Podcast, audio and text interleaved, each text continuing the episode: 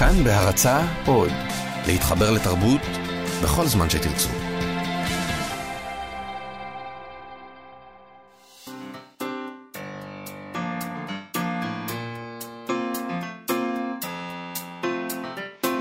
מה שכרוך עם יובל אביבי ומה יעשה לה. שבוע טוב, אה, אתם מאזינים למה שכרוך, מגזין הספרות היומי של כאן תרבות. אנחנו כאן מראשון עד רביעי ב-12, ניתן להאזין לנו ברדיו, באינטרנט וגם באפליקציה החדשה של כאן, כאן עוד. חפשו בחנויות האפליקציות את כאן אודי, הורידו ותוכלו להאזין לכל התכנים הכי טובים במקום אחד, באיכות טובה ובשידור חי. אה, יש שם את כל תוכניות כאן תרבות, הסכתים, מוזיקה, חדשות ועוד. צריך להזכיר שהסכתים זה פודקאסטים? צריך עדיין, הסכתים, תתרגלו לזה, זה פודקאסטים. אה, אגב, פודקאסטים, התוכנית שלנו עולה לעמוד ההסכתים של כאן תרבות, ביחד עם שאר התוכניות של כאן תרבות. איתנו באולפן אירה וקסלר ודימה קרנצוב, ומאיה סלע, שלום. שלום לך.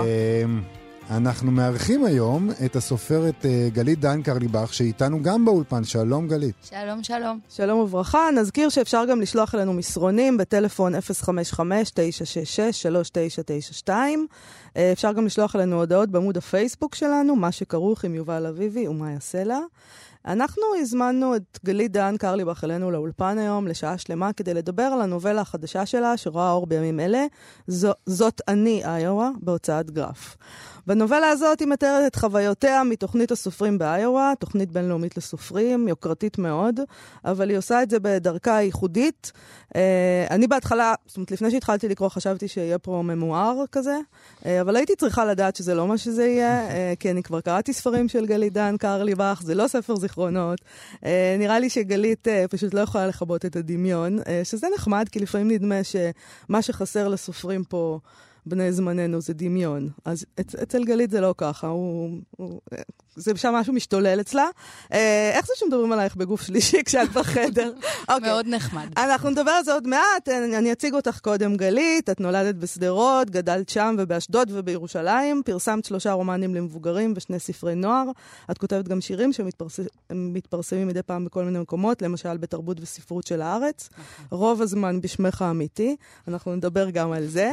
אה, זכית בפרס אקו"ם לשנת 2013, בפרס ראש הממשלה בשנת 2014, במלגה על השתתפות בתוכנית הכתיבה הבינלאומית בשנגחאי, אה, ובמלגת קרן פולברייט לתוכנית הכתיבה באיואה, ש... שם כתבת את הספר הזה, או לפחות התחלת לכתוב את הנובלה. הרומן האחרון שכתבת, אה, סופה של אליס, היה מועמד אה, ברשימה ארוכה של פרס ספיר לשנת 2017. את חיה בירושלים. אה, עם בעלך חנוך, נכון. ושני ילדיכם, פרח ועמנואל. אה, וביום רביעי תהיי בת 37. זה תחקיר יסודי. מזל טוב. תודה. שזה הספק די נאה. נאה מאוד. כל זה, נכון? נכון. אה, כי תמיד הייתי קוראת גם את הביוגרפיות על סופרים שהם מתים ממש מוקדם, כמו קפקא, ואמרתי, אין לי זמן, אין לי זמן. אז, אז זהו, צריך לדעת, הספק נאה. אז כן, את מרגישה שהכתיבה רודפת אחרייך ככה? ברור, וגם ביחס לאדם הקדמון, כאילו, תמיד תקראו ביוגרפיות של האדם הקדמון, הם חיים עד גיל 30, ואז מה שאתם עושים זה לא כזה הרבה. אין ספק ש... אבל אה, את יודעת, יהיה עוד זמן, זה, זה מין... או שכן או שלא, יובל. לא, אבל אה, זה מין תחושה כזאת. חיץ אותי, אני צריכה לחזור ברכבת הביתה. שכחתי לא. להזכיר שאת באת היום ברכבת בשעה נכון. מאוד מוקדמת מירושלים. אה, רכבת העות'מאנית. התוכנית תהיה בסימן הנסיעה הזאת, אחת לכמה זמן אנחנו נזכיר את העובדה הזאת, אבל אם אנחנו כבר נכנסים למוות, המוות קיים גם, הוא מרחף שם בנובלה שכתבת, בזאת אני האירוע. נכון. הכתיבה היא לא קשורה לזה, האמת היא. כלומר, זה, זה, זה כוח יצירתי שאני לא יכולה לעמוד בפניו.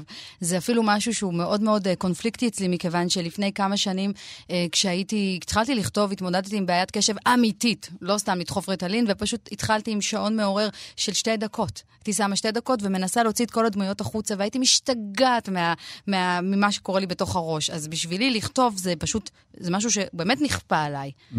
זה לא דבר שהוא... אה, זאת אומרת, הכתיבה היא...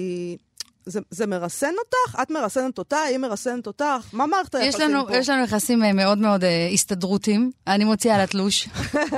אני לא נותנת לה הבראה כי היא זבל לפעמים, אין לי תמיד מוזה, אבל כן, אני ממש משתדלת לרתום אותה ולעשות את זה כמו לימוד תורה, כל יום. או לימוד לטינית. זה נורא מפתיע, כי יש איזו תפיסה, זה לא מפתיע, אבל זה, יש איזו תפיסה ש... ש... בכלל יצירה וגם כתיבה, זה איזה משהו שצריך, שהוא פרוע, והוא, והוא כשרק שנחה עליך, נחה עליך הרוח, נכון. והוא שולט בך, אבל הרבה פעמים אנשים אומרים, וזה מה שאת אומרת, שזה צריך, צריך סיסטמה וצריך ללכת למשרד ולהתיישב מול שולחן ולכתוב ו- ו- ולעשות את זה ככה. נכון. אני לא כופרת בקיומה של השראה. כן. אבא שלי מהנדס חשמל, אז השראה זה לגמרי מושג פיזיקלי. יש השראה, אבל, אבל זה יכול להיות באמצע הלילה או כשאני צורחת על אנשים, או בית ראש הממשלה כשאני עוברת שם. זה מקום ההשראה הכי טוב, כי הם תמיד סוגרים לנו את הרחוב להולכי הרגל. אז אני מתעצבנת ואז יש סיפור. אבל... זאת אומרת, אה, עצבים זה מקור טוב להשראה. לגמרי, לא אהבה ולא כל השטויות. שנאה, עצבים ונקמה, זה הדברים שהכי בונים ספרות טובה, ואל תאמינו לכל הישועים שמסתובבים בינינו. אולי בגלל זה לא מזמינים אותי להרבה מפגשי סופר בבית יכול להיות, ספר. כי. ילדים שואלים אותי, מה גורם לך? ואני אומרת, שנאה! אה, בוא נדבר, אה, נתחיל טיפה לדבר על, הנובלה הזאת, זאת אני איואה, אה, שזה שם מעניין, השם עצמו. אה, שמות הגיבורים בספר, אה, נגיד הדמויות, אה, זה שמות הארצות שמהן באים כל, נכון. כל אחד מהסופרים. את, ציטוט, ברזיל מזמין אותי בתנועות רחבות, פלסטין יושב עם מצרים ואיראן ונמנע מלהביט בי, או הונגריה שכמעט הצליחה להתאבד באמבטיה, ועל פקיסטן שניסה למצוא כלה אמריקאית בדרכים מאוד לא אלגנטיות, זאת אומרת, זה, זה. והשם הוא מין אמירה כזאת שאומרת, אני לא ישראל, אני זאת אני. נכון. נכון? כן. האמת היא שגם, מכיוון שזה נובלה, ידעתי שזה יהיה נורא מעייף לזכור 35 שמות, לפחות, עם כל האחראים. אז אמרתי, יהיה גימיק אה, אומנותי. לעשות בשמות של ארצות, וגם נקמתי כאן. אני מגלה לכם שנקמתי כאן בכמה ארצות. למשל, סין, אז, כלומר, מי שהייתה איתי בסין, אה, אני מקווה שלא יתרגמו את זה לסינית, אז היא בעצם עשיתי אותה טיבט. וואו, זה ממש... זה אה, נקמה רצינית, וואו. זה ממש נורא, זה עשוי. להיות תקרית דיפלומטית. אז. אה, אולי תקריא לנו משהו, קטע קצר קטע מהנובלה? קצר, אוקיי, לפני שנתקדם. בסדר. אז אני אתחיל... אפרופו השמות, הסין והפלסטין והטיבט. אוקיי. המפגש הראשון עם הסופרים מוכי הג'טלג דמה לביקור ממלכתי באו"ם. כל אחד אמר את שמו ונופף בדגל המדינה שלו. לחצתי ידיים מהוססות עם מקדוניה, טיבט, מלזיה ויפן. החלפתי הנהון מנומס עם איראן, מצרים ופלסטין. התחבקתי קלות עם פולין, אוסטרליה ושוודיה. העפתי מבט בכל הפלג הדרום-אמריקאי ולא הבנתי מילה מתערובת המבטאים. 30 מדינות מתכנסות בתוכנית הבינלאומית לסופרים. אני מסתכלת על כולם ומנסה לנחש עם אילו מדינות תתחבר ישראל. איפה אקים שגרירות? עם מי יהיה משבר דיפלומטי? ומה יהיה נוסח הודעת הגינוי? אבל השלב הזה לא ארך הרבה זמן. לא חולפות שעות וכבר אטומים אטומים יוצרים קשרים זוגיים, משולשים ומרובעים. הפלג הדרום-אמריקאי שביני לביני, אני מכנה אותו הכנופיה, מפטפט עם עצמו בשפה תוכית. פלסטין מבית לחם פותח מועדון דובר ערבית. טיבט מחזרת אחרי מקדוניה, שדווקא מגלה בי עניין. יש אצלכם טריסטרמית, הוא מודיע, מודיע בהתרגשות. וכשאני מכמתת מצח ולחיים, הוא אומר, הציפור עם הכתמים הכתומים, עם התחביב שלו, מה הפלא שהוא נראה לי עוף מוזר במקצת. קניה, נפילה, מושכת לא רק את תשומת ליבי.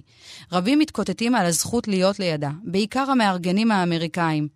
בקרוב מאוד אבין שבדירוג האשראי הכלל-אמריקאי היא מדורגת גבוה מאוד, ומכאן כוח משיכתה.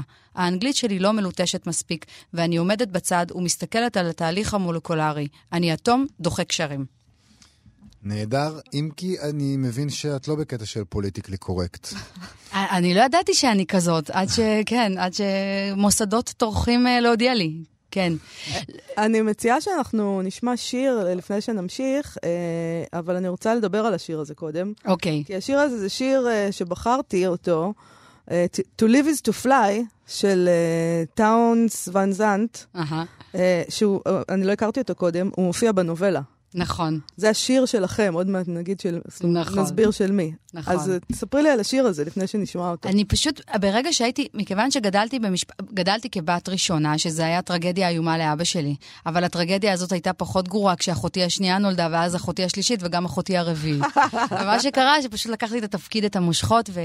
ושרתי איתו, תמיד הייתי מאוד מוזיקלית ובפיוטים. וכשהגעתי למידווסט קרה משהו מדהים. היו שם...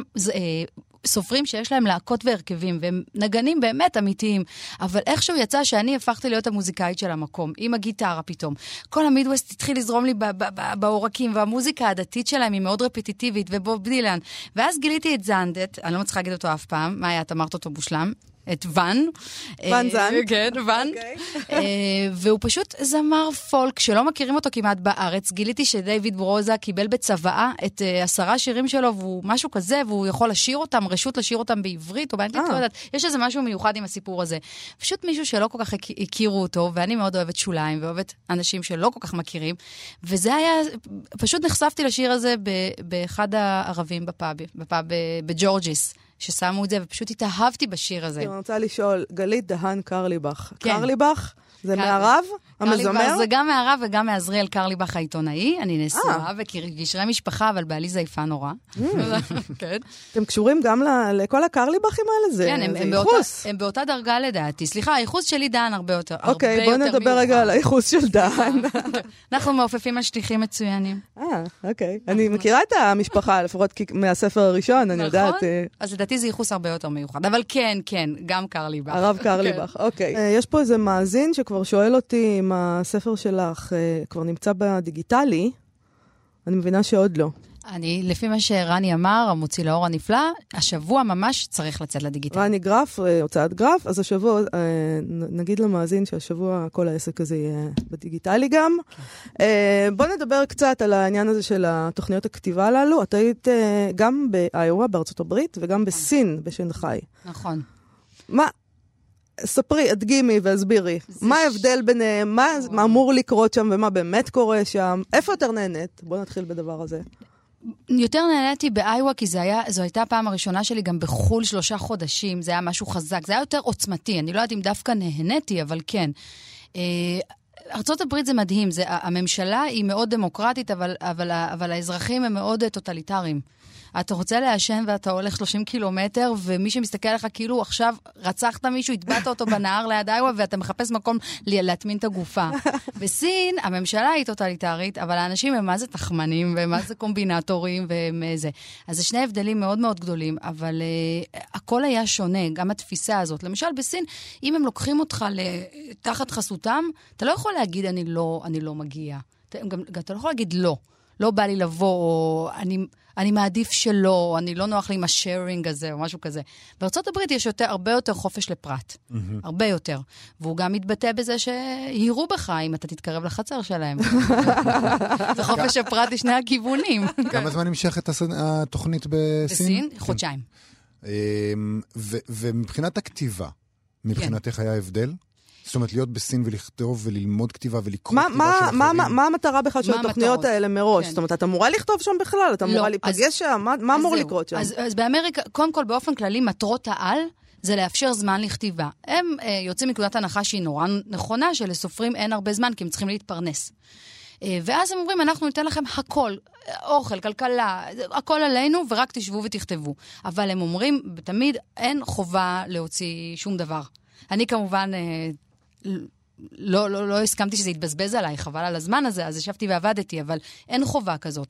עכשיו, אה, מה עוד? אה, יש מפגשים של. ביחד של כל הסופרים, ש... כן. כמו... אז נגיד באמריקה, אז עושים את זה קבוע. באמריקה זה היה הרבה יותר אינטנסיבי. זה 35 סופרים, גרים אחד ליד השני, חדר ליד חדר ליד חדר, ויש גם הסופרים שגם עברו לגור אחד עם השני, Mm. והביאו כל מיני אנשים מהרחוב, כן. זה היה נורא מעניין. אה, ובסין זה היה הרבה יותר, אה, זה היה מלון ענקי של אה, 30 קומות. ואז עם רק שמונה סופרים. אז התוכנית בסין הייתה יותר משוחררת מבחינת זאת, שהם רצו בעיקר הממשלה, כי זה מטעם הממשלה, להכיר את סין בצורה אחרת, בלתי אמצעית, מה שאנחנו שומעים במדיה. קצת, קצת מה שקורה בישראל, כשאני באה ומספרת על ישראל, ואנשים אין להם מושג מה קורה כאן. ממש. אז זה מה שהייתה מטרת העל בסין. באיווה זה באמת אה, לתת זמן, וכמובן זו גם תוכנית מאוד יוקרתית, אז, אה, אז להוציא אנשים שהם כותבים. ואני מבינה מה, מהכתיבה, אבל גם ממה שאני מכירה ממקומות אחרים, שלהיות ישראלית אה, בקבוצה כזאת זה בעייתי. בוא נגיד, ממש בימינו. ממש ממש. אני תמיד אומרת לכל מי שיוצא, קודם כל תעשו מש... את החוכמת חיים השדרותית שלי. אף פעם לא להתגונן, תמיד לתקוף. אני בעד החוכמה הזאת. זה לגמרי. לא להיות political correct ב shit, ותמיד לפתוח בשאלה הכי חשובה. ממתי יש יהודים בישראל? אם הם אומרים 48, ובדרך כלל הם אומרים 48, אז אומרים, כאן נגמר הוויכוח, שלום להתראות, ביי. וזהו, הם אה, לא זה, יודעים. זה מיד מתכנס לעניין הפוליטי. בוודאי. עד שהם מכירים אותי אחרי בערך חמש דקות, הם מבינים שאני הרבה יותר משוגעת ושהרבה פחות מעניין לדבר איתי על פוליטיקה, ואז זה עובר לכל מיני דברים אחרים. כמו, וואי, את יהודייה דתייה, תגידי, הרב שלך היה אה, נותן פסק הלכה, החברה שלי שהייתה שם מאוקראינה, הוא היה נותן פסק הלכה לבגוד בחבר, או כל מיני דברים כאלו מוזרים שהם לא פוליטיים. אבל כן, הפוליטיקה מאוד משעממת שם. ואמריקאים מאוד רוצים את הפוליטיקה, זה דבר שחבל מאוד. אני אומרת, אמריקה הולכת לעבר, באמת, אני צופה במוח המדע בדיוני שלי, שהולך להיות שם צנזורה מטורפת, ואנשים בסוף ישלמו על זה, וזה יהיה מרגרט אטווד שוב, מכיוון שאמריקה אה, הולכת לכיוונים האלו של להכתיב לכל אחד מה לכתוב. כל אחד. אם אתה שחור, אין, ניתן לך כמה מקום שאתה רוצה, אבל אתה תכתוב על השחורים, ואז אחר כך אנחנו, זה המס שלנו, הנה, אנחנו קיבלנו אתכם. אבל אם השחור הזה רוצה לכתוב על חללית חייזרים, זה, לא, אין דבר כזה. כן, הפוליטיקת זהויות שם זה דבר, משגעת. זה הדיקטטורה. זה השפיע גם על הכתיבה שלך? זאת אומרת, הכתיבה שלך הרגשת שהיא הייתה שונה בסין וב... ובארצות הברית? לא, כי קודם כל שפת האם שלי היא עברית, אני לא יכולה לכתוב באנגלית. לא, אבל מבחינת האופי של, של, של, של החוויה מן הסתם מכתיבה את הכתיבה שם. כן, אבל בעיקר נושאים, כלומר פוליטיקת הזהויות מאוד נכנסה, זה דבר שלא כתבתי ברומנים אחרים שלי. וכן, ובסין, מכיוון שכולם רזים, סיפרתי לכם, אז החלטתי לכתוב ספר שירה.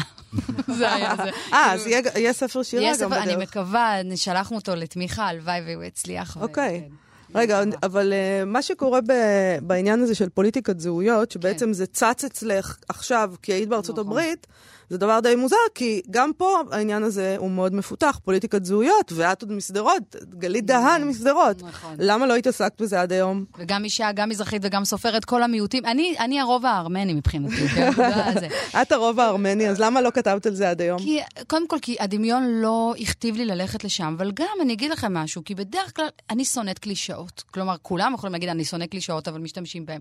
הקלישאה הזאת של אה, לכתוב משהו, אני עשיתי עם זה הרבה משחקים בפייסבוק כשהייתי שם. הייתי כותבת למשל סיפור איך היו מקפחים אותי, ואז הייתי מקבלת מלא לייקים, ואז הייתי עושה אותו סיפור, אבל כותבת סוף אחר, שאני עושה אצבע משולשת ל- ל- למי שקיפח אותי, ואף אחד לא היה עושה לייק, והייתי נורא נעלבת. הייתי אומרת, אבל זה עוצמה, זה חוזק. כלומר, הם רוצים את הקורבן, לא כן, את זה שנלחם. כן, ו... חג הקורבן פה שולט, אני לא אוהבת את זה, זה גם משעמם אותי, וגם בספר הראשון, הסבתא הייתה יכולה להיות סתם אה, מרוקאית מסכנה וזה. לא, רציתי שיהיה לה מקל והיא תרביץ לפקחי העיר, אה, העירייה בירושלים. אבל את מרגישה באמת שגם לגבי הספרות שלך, כאילו, תוקפים אותך על זה שהנושאים שאת עוסקת בהם הם לא נכונים, שאת לא עושה את זה נכון, שאת פוגעת ב...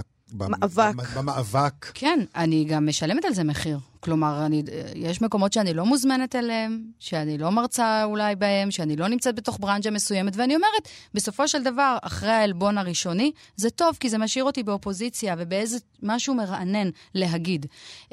וגם התקיפה הזאת היא גם מהמשפחה. כלומר...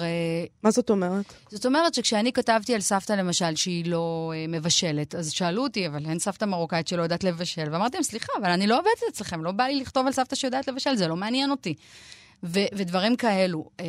אבל כן, אני, אני לא רוצה להיות מגויסת לשום מאבק, מכיוון שאני לא מאמינה במאבקים כלליים. אני מאמינה באינדיבידואל, ואני מאמינה ש- שספרות חייבת להיות פרטית. ואתם יודעים מה, אפילו את האיליאדה, כשפותחים את זה, סיפור הענק, האפוס, ממה הוא מתחיל? מהזעם והעצבים של אכילס שגנבו לו את, ה- את הפילגש. זהו, זה הסיפור הכי, הכי כאילו שורה... זה. אולי, אולי תספרי בקצרה, הרי אז, המסגרת של uh, זאת אני האירוע זה באמת תוכנית הכתיבה הזאת. נכון. אבל, אבל זה לא רק על זה. זה לא הנושא, זה סיפור אהבה נכון, בעצם, כן. שהוא, uh, אני אפילו לא הייתי אומרת שזה סיפור אהבה, זה בכסות של סיפור אהבה, זה נכון. סיפור על אובססיה. נכון. וזה בעיניי גם בעצם סיפור על האנשים האלה שהם uh, מקיזים דם בשביל האומנות שלהם, נכון. או בשביל האהבה, לעומת uh, כל השאר. מקיזים ש... דם... שלא. Uh... לגמרי. הם מקיזים דם באמת, הגיבורה נכון. חותכת את עצמה. נכון. זה לא ספוילר, כי זו בעצם הסצנה הראשונה בספר. נכון. החתך הראשון שלי היה בגיל 15. מי, ש... מי שיש לו פחד מלקרוא דברים כאלו, שידע את זה מהמשפט הראשון. וזה ממשיך, זאת אומרת, היא ממשיכה לחתוך את עצמה לאורך, נכון. הספר, וגם הגיבורה שלך בעצם אה, משתתפת בתוכנית כתיבה. נכון. אה, ואני מקווה שאני לא עושה יותר מדי ספוילרים, אבל אין ספוילרים, זה לא, זה לא עובד ככה, זה לא ספר מתח. נכון. היא מתאהבת, יש לה סיפור אהבה, זה לא עולה בדיוק כמו שצריך, והיא נעשית מאוד אובססיבית לגבי מושא האהבה שלה, שלא נכון. מחזיר לה ב...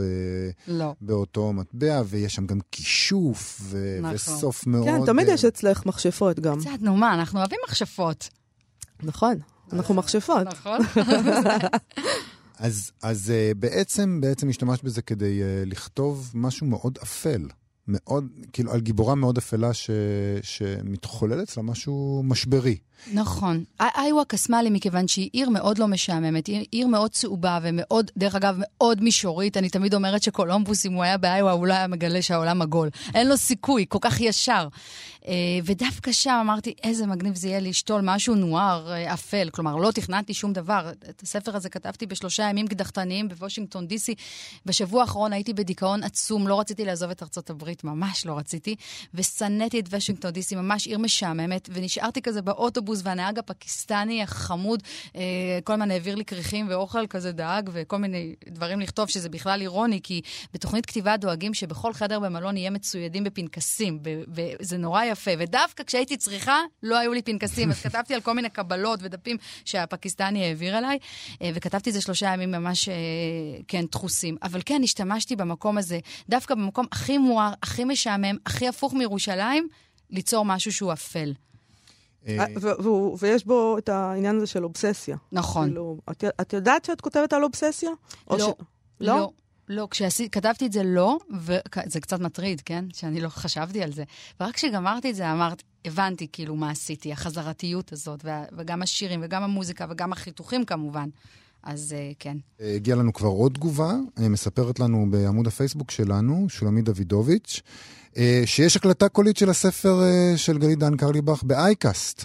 והיא עצמה מדווחת, האזנתי ונהניתי למרות החשש שגם אני אתחרפן עם הגיבורה. כן, יש, זה מעורר חשש כזה. מעורר כי, חשש, כן. כי, כי הגיבורה, היא, היא לא נותנת תחושה שלא נורמלית, שהיא לא נורמלית. נכון, היא חותכת את עצמה, אבל אמ, יש שם תחושה... מה זה לא נורמלית? כולה, בדיוק, כאילו היא... בדיוק. זה מין, מין נורמליות ו- שבירה שכזאת, שכולנו ככה בתוכה מאוד מאוד קרובים. זה באמת אה, מעורר הרבה חשש.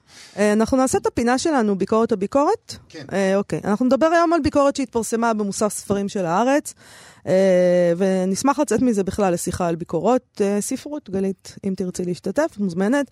המשורר טינו מושקוביץ כתב ביקורת על כתב העת החדש לכל הרוחות, שנערך על ידי סטודנטים לספרות באוניברסיטת תל אביב. אה, העורכת האחראית על כתב העת הזה היא דנה אולמרט. אה, מושקוביץ כתב כך, אני מקריאה ציטוט. חבל שבסדנה לעריכת כתב עת לספרות לומדים הסטודנטים לומר את המובן מאליו, קרי, לשמש עוד אחת מיני ריבו הבמות שעליהן זוכה הבורגנות לצרוח את השקפת עולמה המנוון והצפוי עד בחילה. השקפת עולם שטחית המסתפקת במובן המהותי ביותר בשימוש במילות קוד או מהלכי קוד העושים רושם פרוטו-ליברלי. עוד הוא כותב שם, המילה המתארת בצורה הטובה ביותר את הגיליון הראשון של כתב העת הזה היא דלות.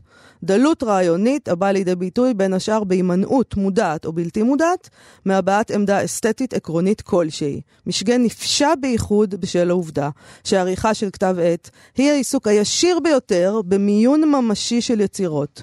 דלות מעשית בדמות חוברת צנומה, שמרבית היצירות המופיעות בה בוסריות עד כדי כך שעצם הדפסתה נראית מגוחכת. ואווירה כללית של היעדר כל רמז, אפילו הקל שבקלים, לליבידו או אפילו לבדל מקוריות, מקוריות המצופים, בצדק או שלא, מסטודנטים. ועוד מסטודנטים המתיימרים לערוך כתב עת לספרות, שאמור, אם נתייחס ברצינות לכותרת המשנה ולהצהרות האורחים עצמם, המופיעות בפתח הדבר, לייצג את אחד המוסדות האקדמיים המובילים בישראל. יש שיאמרו שאין מה לבוא בטענות לסטודנטים המוצאים כתב עת במסגרת סדנה, אולם כגודל היומרה, כך גודל הכישלון וכן הלאה, אני לא יכולה להקריא פה את הכל. אה, אני מעלה את זה כאן יותר בגלל התגובות לביקורת הזאת, אה, כפי שנצפו ברשת. אה, עלתה טענה, למה לכתוב כך על כתב עת של סטודנטים שמטיבו הוא בוסר, וכמובן שמכאן יצאה הטענה החוזרת ונשנית היותר קליט, של למה לכתוב בכלל ביקורות רעות. למה שלא נכתוב רק על דברים טובים? גלית, איך את רואה את הדבר הזה? למה בכלל לכתוב ביקורות רעות? תכתבו רק על ספרים שאתם אוהבים, וזהו. נכון, ואז יהיה המלצות. ואז יהיה נעים לי בגב. ואז יהיה נעים. נכון. עכשיו, את גם אה, אה, סופרת שגם כתבו עליה ביקורות לא טובות, אז... נכון. אני, אני די חצויה בעניין הזה, כי מצד אחד אני, אני באמת מאוד אוהבת לצטט את ה... מדוע הביקורת מרבה לשגות, את המאמר של שולמית הר אבן, שהוא מקסים, הוא, מת, הוא נפתח ברשימה של סופרים שקטלו אותם, שהם לא יכירו אותם, כמו דיקנס למשל, ופשוט רשימה שמצוינת והיא מסבירה למה הביקורת היא בעייתית. אבל אני אומרת משהו אחר, מעבר לעלבון האישי שיש באותו רגע, קודם כל גם המבקר הוא בכלל האחרון בשרשרת המזון. הרי הראשון זה ההורים שלנו. הם רצו בכלל שנהיה טכנאי מחשבים. מה עכשיו אנחנו סופרים? אז אה, כאילו, קודם כל יש לנו את המבקרים האלו, אחר כך יש את הביקורת שלנו העצמית, אחר כך ביקורת האם הספר בכלל יתפרסם, האם מישהו ירצה אותנו. אז כאילו המבקר, מה הוא עושה? הוא מגיע, מניח את היופי על הגמל הגוסס הזה, יורה בו, ואז ממש גיבור גדול המבקר. כן. אבל אני... ההורים שלך קוראים את הספרים שלך לפני שהם אה, מגיעים לדפוס? אולי אחרי שהם מגיעים לדפוס השאלה?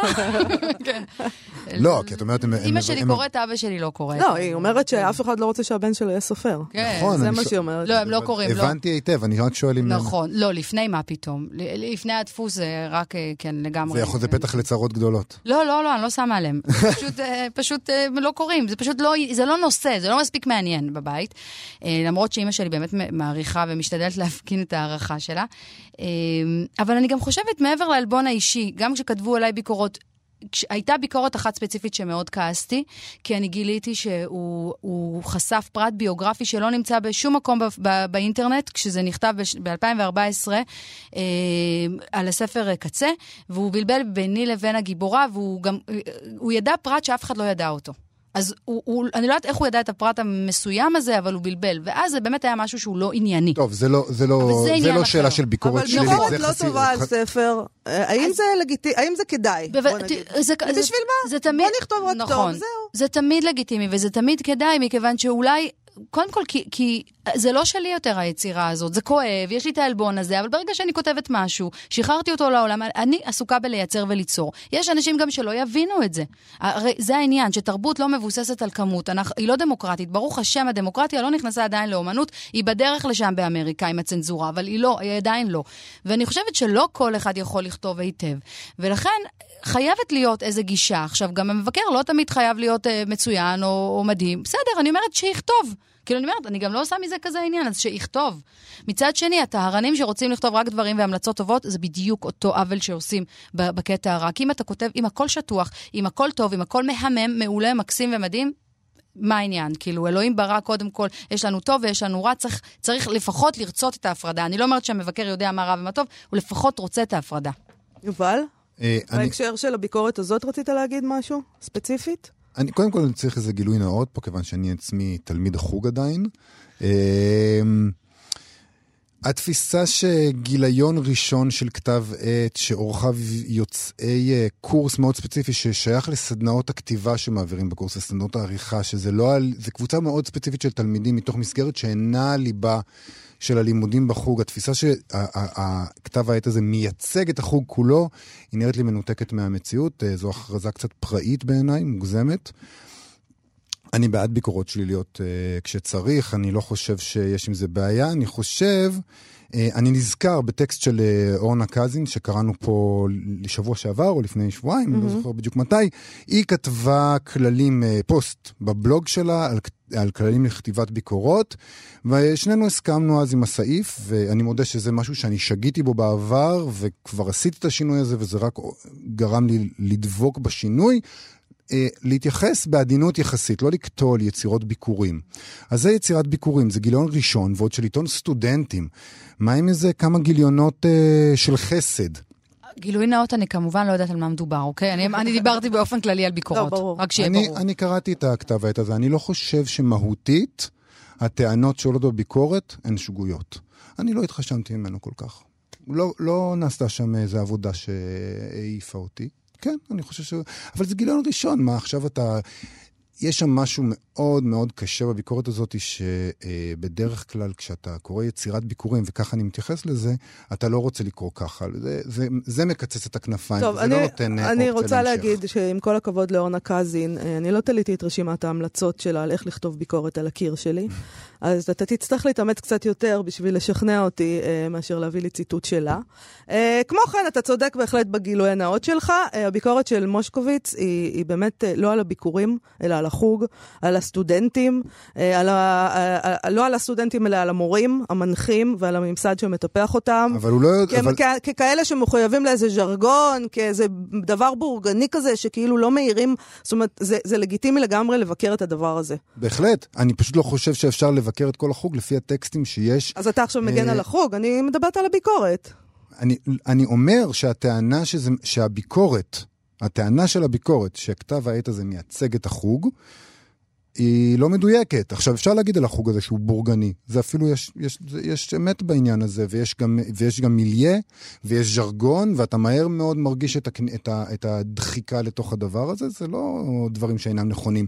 פשוט, זה לא, לא חושב שאפשר להגיד את זה מתוך ביקורת על כתב העת. כתב העת אינו חזות החוג, זה הכל. זה מקום מאוד ספציפי, ובגלל זה, אני חושב, אולי, זה אולי החולשה של הביקורת הזאת, לצד העובדה שהוא תוקף אה, משהו מאוד בוסרי. אולי לא קיבלו אותו, אולי לא קיבלו את כתב היד שלו אני לעיתון. לא, אני לא רוצה להגיד דבר כזה, זהו, זה הקטע. אנחנו מיד מיד נשלחים לתוך המרחב הזה של חשבונות זה אישיים. הכי מעניין. אבל זה לא נכון, כי תמיד, תמיד טוענים, גם כמבקר, תמיד טוענים, אה, קטלת אותו כי יש לך חשבון אישי, כי הוא לא הכניס את הסיפור שלך, כי אתה...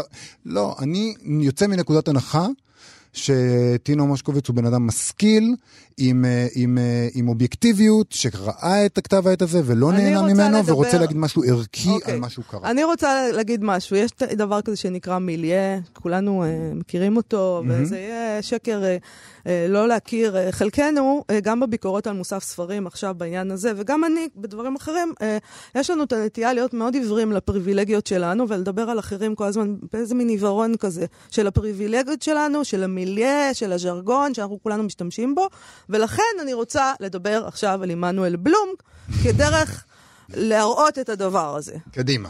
מי, מי הוא עמנואל בלום, גלית? עמנואל בלום הוא יצור קסום. נכון, אני מסכימה. והאמת היא שמאיה הייתה הראשונה שסיפרתי לה, והיא לא סיפרה לאף אחד. אמ, כתבתי, אני שמעתי... אוקיי, אני שמעתי פעם איזה, איזה עניין שבני ציפר לא כל כך אה, אוהב דברים שבנות שולחות. אז אמרתי לעצמי, טוב, לכתוב דמויות, אני עושה את זה לארוחת בוקר, אז אני אמציא אימייל. זה היה לפני שג'ימל היו מבקשים אימות. אבל זה אחרי ששלחת לו דברים והוא לא פרסם כן, אותם, ולא הת- דברים, התעלם. כאילו. שלחתי בערך איזה, באמת המון דברים שלחתי אליו, והייתה התעלמות, אפילו לא היה איזה זוועה או זבל או דברים כאלו, פשוט הייתה התעלמות. אז ניסיתי, ובאמת אחרי חצי שעה קיבלתי אימייל בחזרה, שזה מצוין. שלחת לו אה, שיר את- שלך כן. בשם עמנואל עמנואל בלום. כן, כן, סליחה, תחת עמנואל שהוא בלום, שם מאוד. אה, אינטלקטואלי. שגם עמנואל זה הבן. שלי ובלום זה פרח, זה שני השמות של הילדים שלי. אוקיי. אבל מה שמייצג עמנואל בלום, אני יכולה לדמיין מאחורי זה, זה מישהו באמת מעניין וגם קצת חתיך. הוא גם אוניברסלי. אינטלקטואלי, ישעיהו נכון. פרק ה', זה משם. אוקיי, ותוך חצי שעה הוא ענה לך. חצי שעה. אני כל כך שמחתי, ואז אמרתי, טוב, נחכה אם זה באמת יקרה. וזה פורסם בנובמבר זה היה, ואז אחרי חצי שנה, לא סיפרתי לאף אחד חצי שנה, כלום.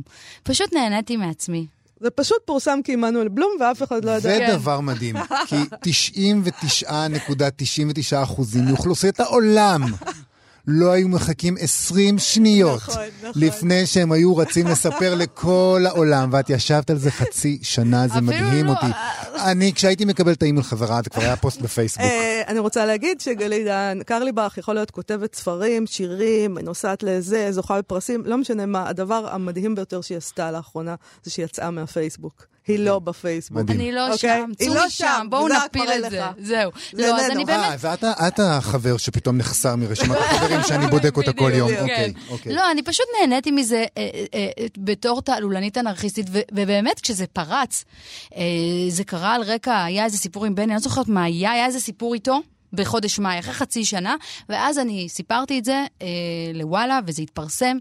אה, אבל באמת, מה שדבר שאני מאוד מאוד מעריכה ובאמת מעריצה, זה, זה יכולת לשנות ויכולת גם לקבל דברים בהומור. ומה שיפה שבהארץ, כשראיינו אותי על זה, בניגוד ל, לעיתון אחר שהיה מצנזר, הם הלכו לבני ציפר וביקשו ממנו תגובה. מה הייתה מה התגובה שלו? שמדהים בבני ציפר, אני חייבת להגיד, כן. זה העובדה שהוא הוא באיזשהו אופן אמר לעצמו, כנראה, אני לא יודעת, זה נראה ככה, גם מהתגובה שהוא הגיב, אז אני לא זוכרת uh, כלשונה, אבל הוא אמר, אוקיי, אני צריך לחשוב על הדבר הזה, יכול להיות שזה באמת משהו שעשיתי, והוא מפרסם, עכשיו, השבוע התפרסם שיר שלך, נכון. בשמך. מדהים. זאת אומרת, הוא... נכון. הוא- לא הוא- נשאר שם, אה, נק- לא לא נקם. בוא לא. נגיד, כל הר- רוב האורחים האחרים שאני מכירה, אחרי דבר כזה, לא היו הייתה רוצים- שרופה בעיר ברור. הזאת. הייתה שרופה גמורה. ברור. לגמרי, לגמרי. אז הוא עשה פה, הוא... רגע, אבל מה הייתה התגובה. שלו כשביקשו ממנו תגובה ב- בארץ? בהארץ, אז הוא אמר, אני באמת התחלתי לחשוב, אה, שוב, אפשר לראות את זה כמשהו טרולי, אבל הוא אמר, אני חשבתי שאולי באמת ייתכן שיחסי לנשים אינו זה, ו- וזה נורא נורא שעשע אותי, כי אני באמת לא נציגת אף, אה, גם לא מין נשי, כי יש גם, דרך אגב, גם, גם סופרות נשים שהם אה, החרימו אותי בגלל דברים מסוימים, ו- ולכן אני אומרת שהדבר הזה הוא כל כך, כל כך צריך להיות אישי ופרטי ולא כללי. אה, כן, אז זה היה הסיפור של עמנואל בלום, והוא מאוד מאוד חביב בעיניי. אולי מתוך המקום הזה של הנשיות אנחנו נעבור ל- לסיפור שפרסמת. במקביל, גם עכשיו יוצא לך סיפור בכתב העת פטל, נכון. אה, גיליון החמישי שלו, שנושא את הכותרת בגוף. זאת אומרת, אה, אה, סיפורים קצרים ונובלות על, על הגוף, ואת כתבת את הסיפור, נכלל הסיפור הקצר שלך, הרחם. כן. שהוא מעין גלגול של האף, גלגול של האף של גוגול, אני אה, הצלחתי להגיד את זה. אה, האף של גוגול זה סיפור אה, מאוד מפורסם, שבו האף של אה, איזה פקיד רוסי בורח ממנו ומתחיל לנהל חיים משלו. אצלך איזה מין מדב חברתי פנטסטי נקרא לזה אולי. רחם בורח מהבטן של אישה שמתפרנסת כמעין רחם להשכרה. נכון. נגיד רק שפטל אה, זה כתב עת שעורכת אביבית משמרי. האמת שדיברנו על כתב העת הזה כבר אה, נכון. בהקשר אחר אה, בשבוע שעבר, אבל אולי תקריא לנו משהו בשמחה. מתוך הסיפור שלך. והקדשתי את זה כמובן לגוגול, ניקולאי וסילייביץ', אבל בלי המילה גוגול, כדי שמי שלא הכיר את גוגול אולי יעשה לעצמו חידה. אז- שיעשו גוגל זה, כן, ויגלו את גוגול. בדיוק. בדיוק כשנורה אומבורוביץ' התחילה להסתדר, נמלט הרחם והותיר אותה לקושש פרנסה ללא עזרתו. תעודת הכבוד של המטה לשגשוג העם היהודי הגיעה יום לפני טקס ההכתרה של משרד הפנים, כי, כפי שהסבירה המזכירה, עדיף שבמצבה נורה לא תסחב את התעודה בגמר הטקס. זאת הייתה תעודה שתפסה את קו הרקיע, אבל ברוחב לפחות הייתה בעלת ממדים ארציים יותר. נורה גיחכה לעצמה, כבר קרוב לארבע שנים שהיא הייתה במצב. לפני תעודת הכבוד, ולפני שהפכה ליקירת המחלקה לפוריות בלתי תלויה, מצבה באמת היה בלתי נסבל. היא כמעט שרפה את האונות במאמצים למצוא פרנסה שתכבד אותה ואת בעל הדירה שלה, שתחביבו היה להעלות את דמי השכירות בכל חודשיים. לפני שהלאימה את הרחם שלה, היא עקרה את השתילים של העירייה ושיווקה אותם במחיר מופקע לגן ילדים אנתרופוסופי. הגננת התחברה מאוד לסיפור שבו הפרחים חוממו בשמש מלאה למשמע קינת הנמר היחיד שנותר בעין גדי. כידוע לכל, ט"ו בשבט נמשך יום אחד בשנה, אבל הרעיון תפס, ונורה הצליחה להשתלט על כל התנועה האנתרופוסופית בואכה רשת הגנים הזורמים. נמשיך עוד טיפה או... כן? לא? לא. כן, כן, עוד קצת. רגע לפני שעברה נורה ליישובים הקהילתיים הצמודים לירושלים, רגע לפני שעמדה להרוס לגננים שנים ארוכות של קריירה מפוארת ומלבלבת, היא נתפסה על חם בשומרון. שם נקלטה בעדשת המצלמה של ערוץ 2 כשהיא גוררת עץ זית בגודל נאה. היא בילתה מספר שבועות בחקירות במאמצים להפריך את ההאשמות שהיא סוכנת פרובוקטיבית מכל צד שהוא, בין אם זה מטעם השב"כ ובין אם במסגרת ארגוני ימין קיצוני. את לא משאירה שום אבן לא הפוכה בעניין הזה. אה, נשיות, אה, כיבוש, אה, מה לא הכנסת לשם לכל הפתיחה הקצרה הזאת? אבל אה, הסיפור שלך יכול להיתפס באמת כפמיניסטי. אה, הרחם להזכיר הזה, זה מזכיר לנו מיד כמובן את, את מרגרט אטווד ואת מעשה שפחה העכשווי שזוכה לעדנה עכשיו, אבל מצד שני, אני לא בטוח שההמשך מאוד מאוד ינעם לאוזניהן של פמיניסטיות. אבל זה מה שספרות טובה צריכה לעשות. אה, יש לי עד היום חברה שהיא דוסית לגמרי, וכשהיא קוראת, אה, התווכחנו על אה, האם יש אלוהים או אין, אז קראנו את האחים קרמזוב, בפרק שם המרד עם איוון, שהוא אומר, אני מחזיר את הכרטיס לאלוהים, והיא אומרת לי, זאת הוכחה שיש אלוהים. ואני אומרת לה, לא, זאת הוכחה שאין אלוהים. ושתינו מתדיינות ומתדיינות, ואני אומרת לה, את יודעת מה, דוסטויבסקי עכשיו בקבר, משמין מנחת, כי, כי, כי זה מה שיופי. אין, אין פה משהו דידקטי, אין פה מסר. אמ, אני יכולה להבין, כלומר, זה, זה, זה מה שסופר צריך לעשות. אה, אני רוצה לשאול. אותך, אה, אפרופו, את מדברת על דוסטויבסקי, אני לא יודעת למה זה מזכיר לי את זה, אבל את לומדת לטינית. נכון. לא, כאילו, אני רוצה להעיר עוד פן באישיות המשונה שלך פשוט. אבל המורה נסע לאיטליה עכשיו, הוא השאיר למה אותי החלטת לבד. ללמוד לטינית בעצם? זאת זה- אהבה מטורפת. זה פשוט מסוג הדברים, כמו בספר זאת אני. למה היא מחליט- מחליטה להתאהב באמריקאי עכשיו, באמת, מכל החתיכים שיש מדרום אמריקה שם? פשוט הלטינית, כשהייתי, אני זוכרת שלמדתי מורי דרך, הייתי נכנסת לכנסיות, שומעת שירים בכלל באינקוויזיציה, הרי מרוקאים הגיעו מספרד. לדעתי, אני הייתי בצד של האינקוויזיציה. אני ממש נמשכת לשירה, המשפחה שלי לא הייתה אוהבת לשמוע את זה, אבל אני כל כך אוהבת לשיר בכנסיית הקבר בבור המים, אבי מריה של שוברט, אתם חייבים להצטרף אליי, נעשה משם את השידור. זה פשוט אהבה. אתה מסתכל על המילים ואתה מבין את הכל. זה פשוט לראות, זה, זה, זה לגמרי, אני מבינה למה קוראים לזה בלשנות. אתה, זה כמו להסתכל על מאובן, על משהו של עץ ולדעת מה עבר עליו. אז אתה רואה מילה ואתה אומר רוטונדה, ראוט, ראונד. זה כאילו ממש, זה, זה, זאת אהבה. אני רוצה רגע לחזור. גם לחיבור, לחיבור הזה בין uh, הרחם לבין uh, זאת אני איואה.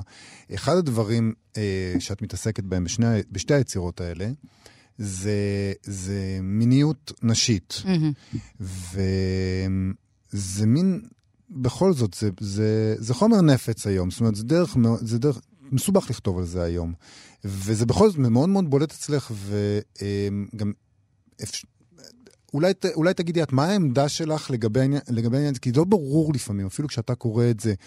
האם יש uh, משהו כנוע במיניות הזאת, או להפך, משהו מאוד מאוד רדיקלי בהתנגדות שלו, בהתנגדות אבל של מי? של הכתיבה או של האנשים עצמם? של, של הדמויות שלך? אני מתכוון, אבל אולי של הכתיבה, תגידי את. אמ, זה לגמרי התנגדות. זה כל דבר שהוא הלאמה, כל דבר שהוא משהו שהוא מוכרח להיות אידיאולוגיה, אז יש לי התנגדות אוטומטית. זה לא תמיד דבר מוצדק, אבל גם כשלמדתי באולפנה, גם כש... אתם יודעים מה, אפילו היום, כאילו...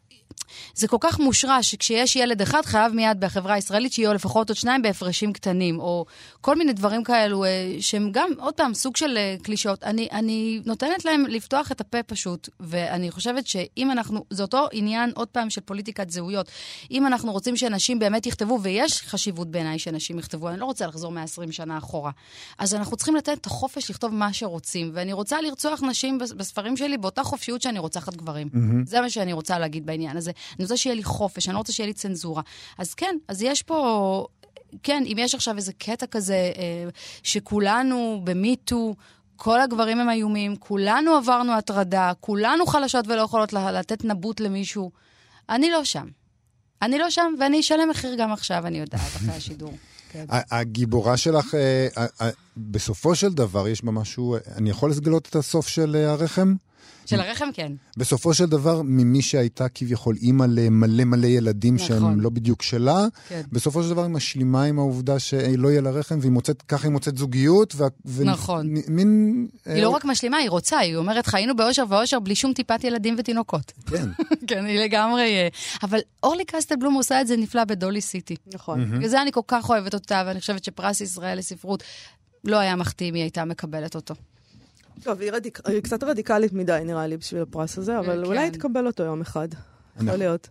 אנחנו עוד מעט נצטרך אה, אה, אנחנו לסיים. עוד מעט נצטרך לסיים, אבל אני הייתי שמחה אם תקריא עוד קטע. מזאת אני איואה.